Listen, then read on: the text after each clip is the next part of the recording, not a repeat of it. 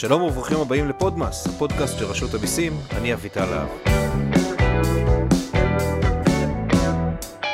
בפודקאסט הזה אנחנו מרבים לעסוק בנושא של מיצוי זכויות. בין היתר שידרנו פרקים שעוסקים בהטבות מס בעזיבת מקום העבודה, הטבות מס ברכישת נדל"ן והטבות מס לאנשים עם מוגבלויות. המטרה של הפרקים הללו היא לספק לציבור את המידע שיעזור לו לקבל את כל מה שמגיע לו לרשות המיסים. כדי לממש את רוב ההטבות שאנחנו מספרים לכם עליהן בפודקאסט הזה, יש לבצע תיאום מס או להגיש בקשה להחזר מס. בפרק הזה אנחנו נדבר על שתי הפעולות הללו ונסביר למה מדובר בפעולות פשוטות בהרבה ממה שנדמה לכם. נמצאת איתי כאן שוב רחלה אקוקה, מנהלת תחום בחירה, פרט בחטיבת שומה וביקורת. שלום רחלה. שלום אביטל. הרבה אנשים שואלים אותי, למה צריך אה, תיאום מס בכלל? תיאום מס בעצם נותן לעובד את הטבות המס שניתנות לו, אבל לא חייב תמיד לעשות תיאום מס מולנו. איך עובדת שיטת המיסוי בישראל? בישראל שיטת המיסוי היא פרסונלית, והמיסוי הוא מיסוי פרוגרסיבי. זאת אומרת, ככל שאנחנו מרוויחים יותר, אנחנו משלמים, משלמים מדרגת מס גבוהה יותר. כן. את תיאום המס הראשוני אנחנו בעצם עושים אל מול המעסיק בטופס 101. לא תמיד צריך להגיע אלינו. כלומר, טופס 101 בפני עצמו הוא בעצם תיאום מס. אל מול המעסיק. אל מול ישירות. המעסיק. כל מה שאתה תציין ב-101 שאתה מבקש מהמעסיק, לפעמים צריך לצרף מסמך, לפעמים תעודת הזהות היא המסמך המבסס, המעסיק נותן לך באופן ישיר מבלי צורך להגיע אלינו, כדוגמת ילד עם מוגבלות, במקרה שיש ילדים, נקודות זיכוי בגין ילדים, תושב ישראל, תושב תואר. ישראל, תואר, צריך לצרף את המסמכים המתאימים, לפי מה שכתוב ב-101. אתה יכול לעשות את תיאום המס בעצם ישירות אל מול המעסיק.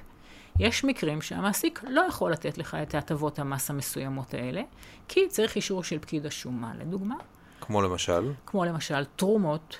יש מעסיקים מאוד גדולים שכן נותנים, אבל רוב המעסיקים לא נותנים הטבת מס בגין תרומות. ואז אם אתה רוצה לקבל זיכוי תרומות, או זיכוי בגין ילד עם מוגבלות גדול, שהוא מעל גיל 18, שזה המעסיק לא יכול לתת.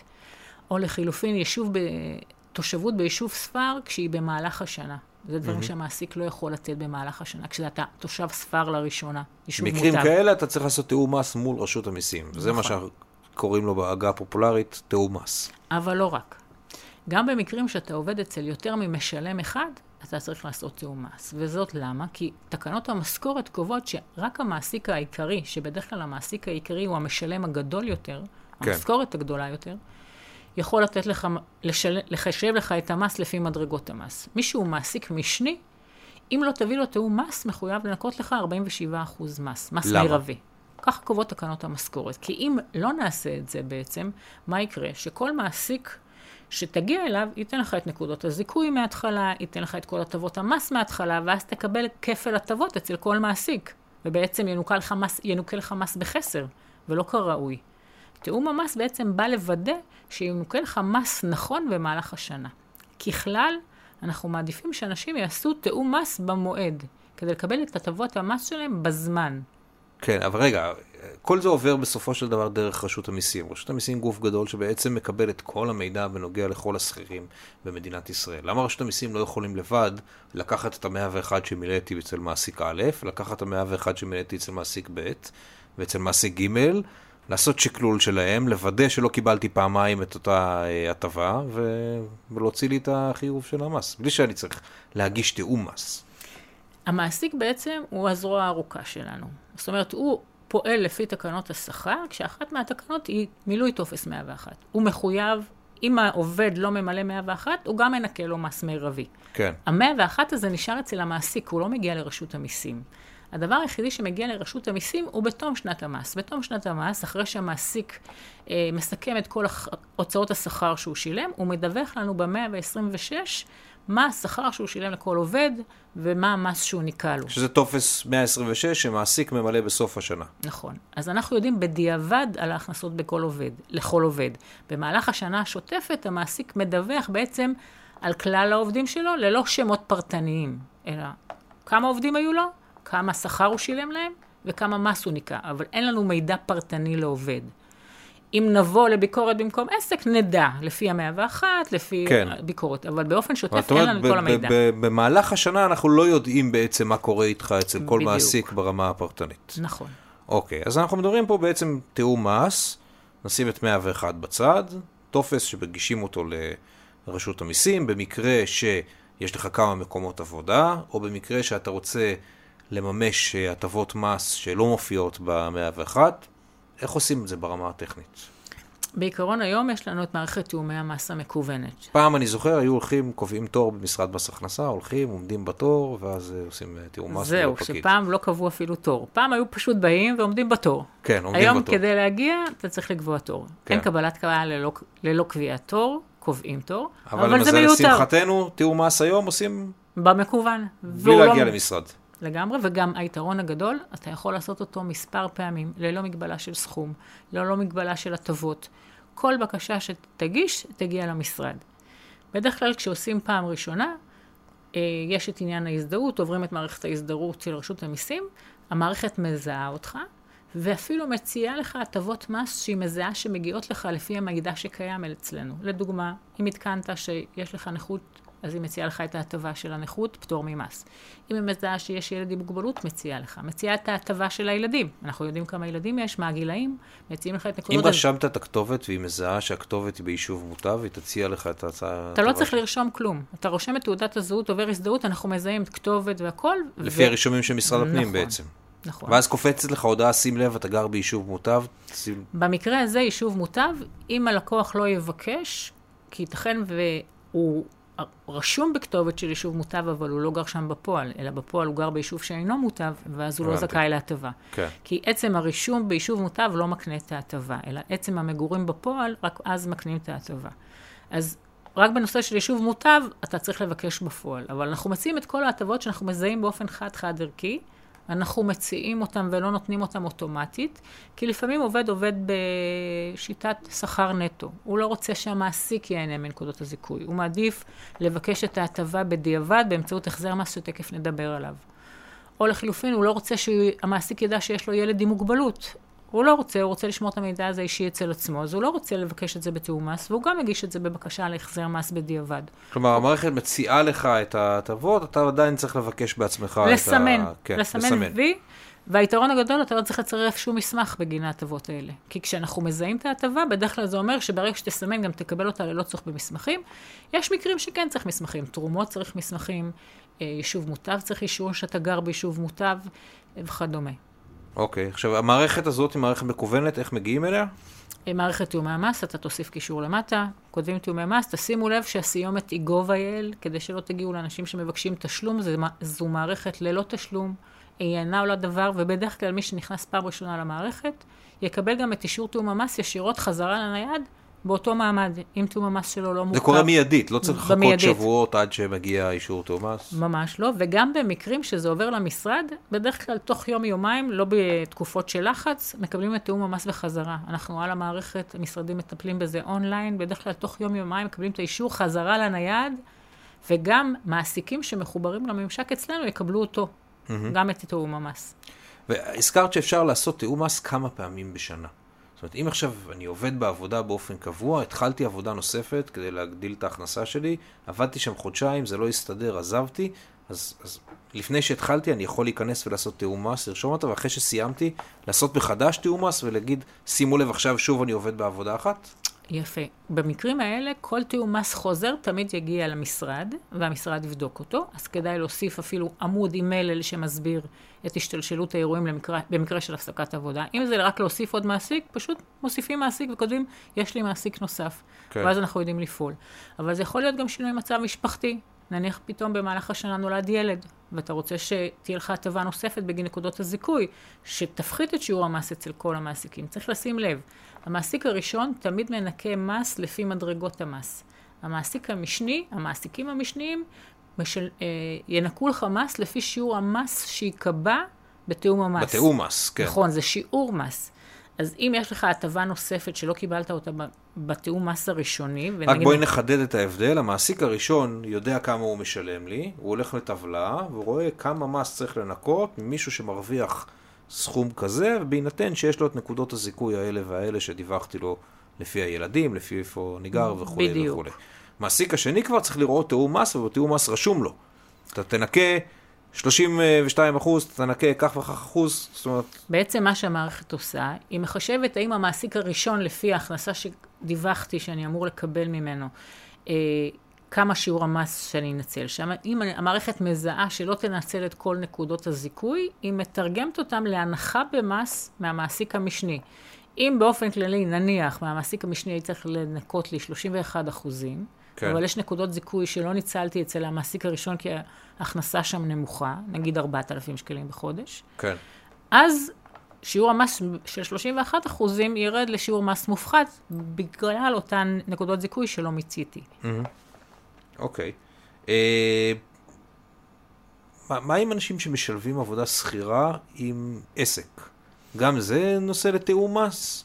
אז אה, קודם כל, מי שעצמאי יכול ועובד רק במקום עבודה אחד כשכיר, לא חייב לעשות תיאום מס. הוא יכול להגיד למעסיק שזו עבודתו היחידה, כי הרי הוא במילא מחויב בהגשת דוח. ואז כשהוא יגיש דוח, חישוב המס שלו יתבסס על ההכנסות ממשכורת, פלוס ההכנסות כעצמאי. אז אין צורך לערוך תיאום מס. אבל אם הוא עובד אצל, ביותר ממקום עבודה אחד, או לחילופין, אמרנו, הטבות מס שהוא לא ניצל אצל המעסיק הראשון, הוא יכול לעשות תיאום מס במערכת בוודאי. כלומר, רגע, שנייה. מי שעובד כשכיר בשני מקומות, ובנוסף לכך הוא עצמאי, יש לו עסק קטן, יכול להכניס את ההכנסה שלו כעצמאי בתוך... הוא uh... לא צריך להכניס את ההכנסה שלו כעצמאי. הוא מדווח רק על הכנסה... הוא עושה תיאום מס מכיוון שיש לו יותר ממקום עבודה אחד כשכיר. נכון, נכון. אבל בכל מקרה, ההכנסות שלך כעצמאי, הם לא נושא לתיאום מס, כי זה נושא לדוח שנתי. כרגע. כרגע. החל משנת 24, בעקבות אה, שינוי החקיקה של עסק זעיר, זה עומד להשתנות. כן, גם... אנחנו נקדיש פרק נפרד לנושא של עסק זעיר, ושם נסביר בדיוק איך זה יעבוד. אבל זאת, הפלטפורמה של תאומי המס תיתן פתרון גם לעסק זעיר, ונדבר על זה בהמשך. אוקיי, בסדר גמור.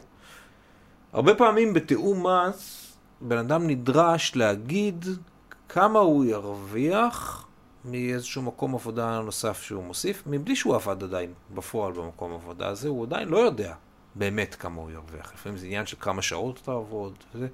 איך, איך, אה, יש לך איזשהן המלצות, מה, מה עושים בסיטואציה הזאת? ראשית, רצוי לשאול את המעסיק, כמה צפוי, צפויה להיות ההכנסה השנתית. צריך לזכור שחישוב המס הוא שנתי, והוא מבוסס על הכנסה שנתית.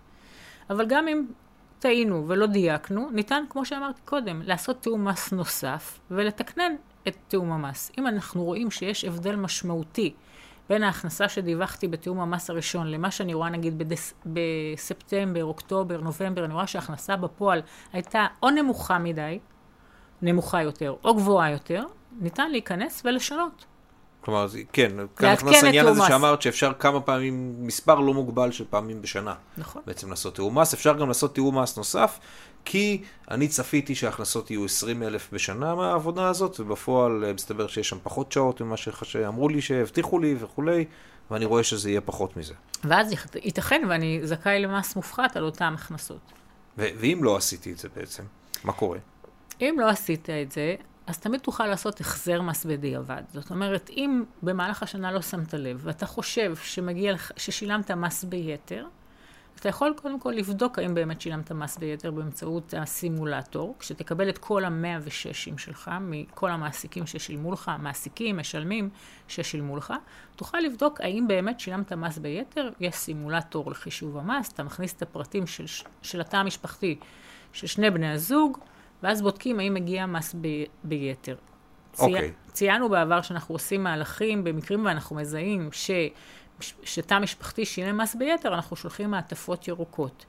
אבל אתה לא חייב לחכות עד שאנחנו נשלח מעטפה ירוקה. בתום השנה, כשאתה מקבל את ה-106, אתה יכול לבדוק בעצמך. אתה לא חייב לחכות למהלך שלנו. אוקיי, okay, אז כאן רגע, עוד נדבר שנייה על 106 ומה זה בדיוק אומר, אבל הכנסנו כאן בעצם, אה, עברנו לשלב הבא, ובעצם זה החזר מס. עד עכשיו היינו בתיאום מס, אנשים שצריכים לבקש מרשות המיסים שתחשב עבורם את שיעור המס מכל מיני סיבות. עכשיו אנחנו בהחזר מס, אנחנו בעצם באיזושהי פעולה שהיא בדיעבד, נכון? זאת אני פונה אל רשות המיסים ואומר, אני חושב שנפלה טעות, שחייבו אותי ביותר מס ממה שמגיע לי, ואני רוצה לקבל בחזרה כסף. איך התהליך הזה בעצם עובד? אז פה חשוב להדגיש, תיאום מס הוא על השנה השוטפת. תיאום מס הוא אל מול המעסיק עד סוף דצמבר, בדרך כלל, כמעט עד סוף דצמבר, תלוי מתי המעסיק משלם את המשכורת של חודש דצמבר, ניתן לערוך תיאום מס לאותה שנת מס. אין טעם לבוא נגמרה ביד. השנה, אי אפשר לעשות אי תיאום אפשר, מס. למה? כי ברגע שהשנה מסתיימת, המעסיק מעביר את כל המס שהוא חייב בגין כל העובדים שלו, זה אותו וסוגר את- 126 שהזכרת. בדיוק, וסוגר כן. את המאה ה-26, ואז ההתחשבנות עוברת בין העובד לבין רשות המיסים. אם ההתחשבנות קודם הייתה בין העובד למעסיק, מתום שנת המס ההתחשבנות עוברת בין, המ... בין העובד לרשות המיסים, והדרך לקבל מס ששולם ביתר היא בהח... בהחזר מס. אז לא להתבלבל, החזר מס זה על שנים קודמות, ניתן לבקש עד שש שנים אחורנית. אם mm-hmm. אנחנו בשנת 2023, ניתן להגיש החזרי מס משנת 2017 ואילך. כן. תיאום מס הוא תמיד מדבר על השנה השוטפת, השנה שבה אנחנו נמצאים, עד כמעט סוף דצמבר ניתן לערוך תיאומי מס. איך מגישים בקשה להחזר מס? עכשיו ברמה הטכנית. ברמה הטכנית זה נשמע מורכב, אבל לא חייבים, זה לא מאוד מורכב. יש, ב, יש סרטונים שמראים איך למלא, סרטונים קצרצרים שנותנים דגשים איך למלא, כשהרעיון הוא בעצם להכניס את כל ההכנסות, החזרי מס הם למי ש... ראשית חשוב לציין, למי שלא חייב בהגשת דוחות. מי שחייב בהגשת דוחות, אז הוא במסלול של הגשת דוחות. זה דוח שנתי, עצמאים, נכון. ש... או, מכל מיני סיבות אחרות, אנשים שמבקשים מהם להגיש דוח שנתי למס הכנסה, זה חיה אחרת. נכון. זה לא החזר מס. החזר מס זה למי שלא חייב בהגשת דוחות, ושבדרך כלל, כלל ציבור השכירים, כשהוא צריך בעצם לדווח על כל ההכנסות שלו, ולהוסיף גם הטבות מס אם היו לו. וניתן מספר דוגמאות, לדוגמה, לדוגמה אם היו לו תרומות, אם משלמים ביטוח חיים בגין משכנתה. אי אפשר לבקש את זה בתיאום מס, כי האישור על התשלומים תמיד יוצא בדיעבד, לאחר תום השנה. אז אפשר לבקש על זה החזר מס, להביא אישור על ביטוח חיים, אה, כמה את אומרת שילמת. בעצם שכל מי שיש לו משכנתה, אה, יש לו ביטוח חיים על ביטוח המשכנתה, חיים. משלם ביטוח חיים על המשכנתה, בעצם יש איזושהי אה, סיכוי סביר מס- שהוא אה, זכאי להחזר מס. נכון, אם הוא איזה משלם עוד מס... אוכלוסיות, דרך אגב, הן בסבירות גבוהה להיות זכאים להחזר מס?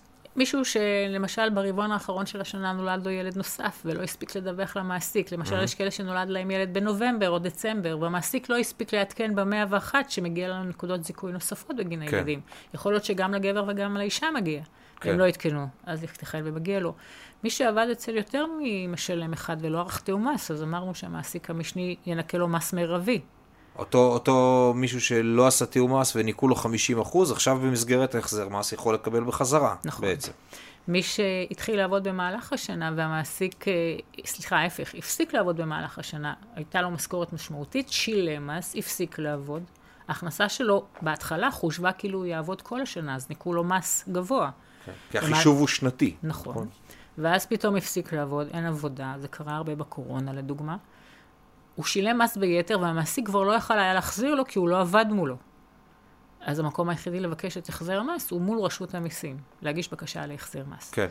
את הבקשה מגישים על טופס 135, זה טופס מקוצר יחסית, ובעצם בתוך המאה ושש, רק נציין, זה בניגוד לתיאום מס לא מוגש באופן מקוון, נכון, אבל גם זה לא מצריך בעצם הגעה למשרד. לא צריך. אתה מדפיס את הטופס, אתה ממלא אותו ידנית, אתה חותם עליו, אתה מצלם אותו עם אפליקציית הסריקה החביבה עליך, ואתה שולח במייל דרך מערכת פניות לציבור של רשות המיסים, באתר רשות המיסים, שניתן גם את הלינק למערכת הזאת, ישירות למשרד שאתה יודע שבו מטופל, שאתה מטופל בו בעצם. נכון, ואפילו יותר מזה, משנת 2019 יש אפשרות להגיש בקשה להחזר מס מקוונת, היא קצת אה, יותר, אה, זה טופס קצת יותר גדול, אבל יש שם הכוונה איזה שדות רצוי למלא כמי שמבקש בקשה להחזר מס. יש אפשרות מקוונת, ניתן לנסות, אבל באמת הטופס עצמו הוא לא מורכב.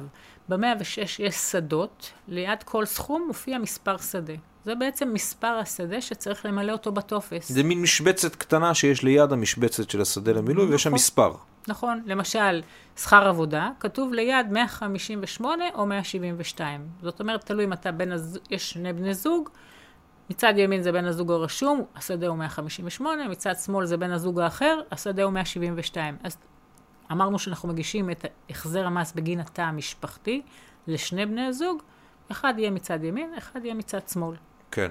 וממלאים את הטפסים, ככה זה... ואז בטופס החזר מס אתה גם רואה שרשום בשדות למילוי 158 או 172. בדיוק. 245, 244. אתה פשוט מעתיק את הנתון מה-106 בדיוק. אלא זה, ואם יש לך כמה 106ים אתה מחבר ביחד בעצם. סוכם, ואז, ה- סוכם ואז מעביר לשדה הרלוונטי. כן. אם כבר הזכרנו 106, טופס 106, למי שלא יודע, הוא, איך אנחנו נגדיר הוא אותו? בעצם בעצם סיכום הסיכום הח- השנתי. סיכום ההכנסות של השכיר מאותו משלם, מאותו מעסיק משלם. אני אומרת משלם, כי לפעמים קופת הגמל משלמת פנסיה. גם, זו, גם זה סוג של משלם, וייתכן ששם גם מוכר מס ביתר. כן. אם לא עשו תיאום מס בגין קצבה, פטור על הקצבה, גם שם יכול להיות מס ביתר. אה, היום, לשמחתנו, ניתן למצוא את ה-106 באזור האישי. לא צריך יותר להרים טלפון למקום שעבדנו בו, במסעדה שעבדנו בה לפני חמש שנים, ולהגיד לבעלים, "אה, תמצא לי את ה-106. לשמחתנו, הכל מופיע באזור האישי, שש שנים אחורנית, בהתאם לשנות המס הפתוחות להגשה להחזר מס, יופיעו, יופיע ה-106, מכל מעסיק שדיווח יופיע באזור. רגע, ומה אם המעסיק הזה לא דיווח לרשות המיסים? אם אתה יודע שיש מעסיק נוסף, אתה לא מוצא את ה-106 באזור האישי, ואתה חושב שמגיע לך החזר מס, קודם כל ממליצה, שוב, לבדוק בסימולטור, אבל אתה יכול לצרף את תלוש השכר האחרון מאותו מעסיק כן. לבקשה להחזר מס במקום 106, ולרשום, עבדתי, ואין, 100 המעסיק לא הוציא 106. ואז איך יעשו את החישוב בעצם לצורך החזר בהתאם מס? ל...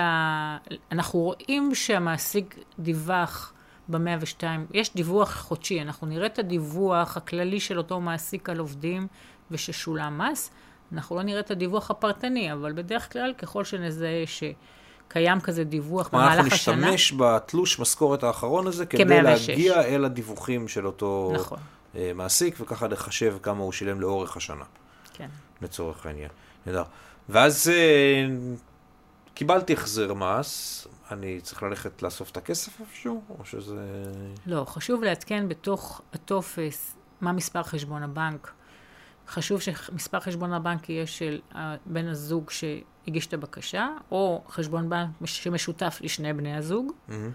ניתן לצ... לרשום אותו בתוך הבקשה להחזר כך חשוב מס. להדגיש, זה לא יכול להיות חשבון בנק של בן הזוג, שאני לא מופיע בו כאדם, כרשום. נכון, זאת אומרת, יש לפעמים זוגות שלאחד מבני הזוג יש חשבון, החשבון נמצא על שמו, והוא משרת את שניהם בפועל, אבל לצורכי רשות המיסים, השם שלך, מי שמבקש את ההחזר מס, חייב להיות על חשבון הבנק, אחרת לא ייתנו לנו להעביר את הכסף לשם נכון. בעצם. זה נקרא בן זוג הרשום. בן הזוג הרשום הוא הבן הזוג שעליו לכאורה מוגש אה, החזר המס. בדרך כלל זה יהיה בן הזוג שההכנסות שלו גבוהות יותר, כי זה אחד התנאים כן. שקובעים מי בן הזוג הרשום. ואז חשוב שהוא יהיה שותף באותו חשבון. זה יכול להיות חשבון או שלו בלבד, או של שני בני הזוג. הבנתי. אוקיי. אה, בהצלחה לכולם. בהצלחה, לקבל את מה שמגיע ותעשו את לכם. זה. ותעשו את זה, יכול להיות שמגיע לכם הרבה כסף. וזה ממש ממש פשוט וקצר. תודה רבה, רחלה. תודה לך. עד כאן פודמאס להפעם.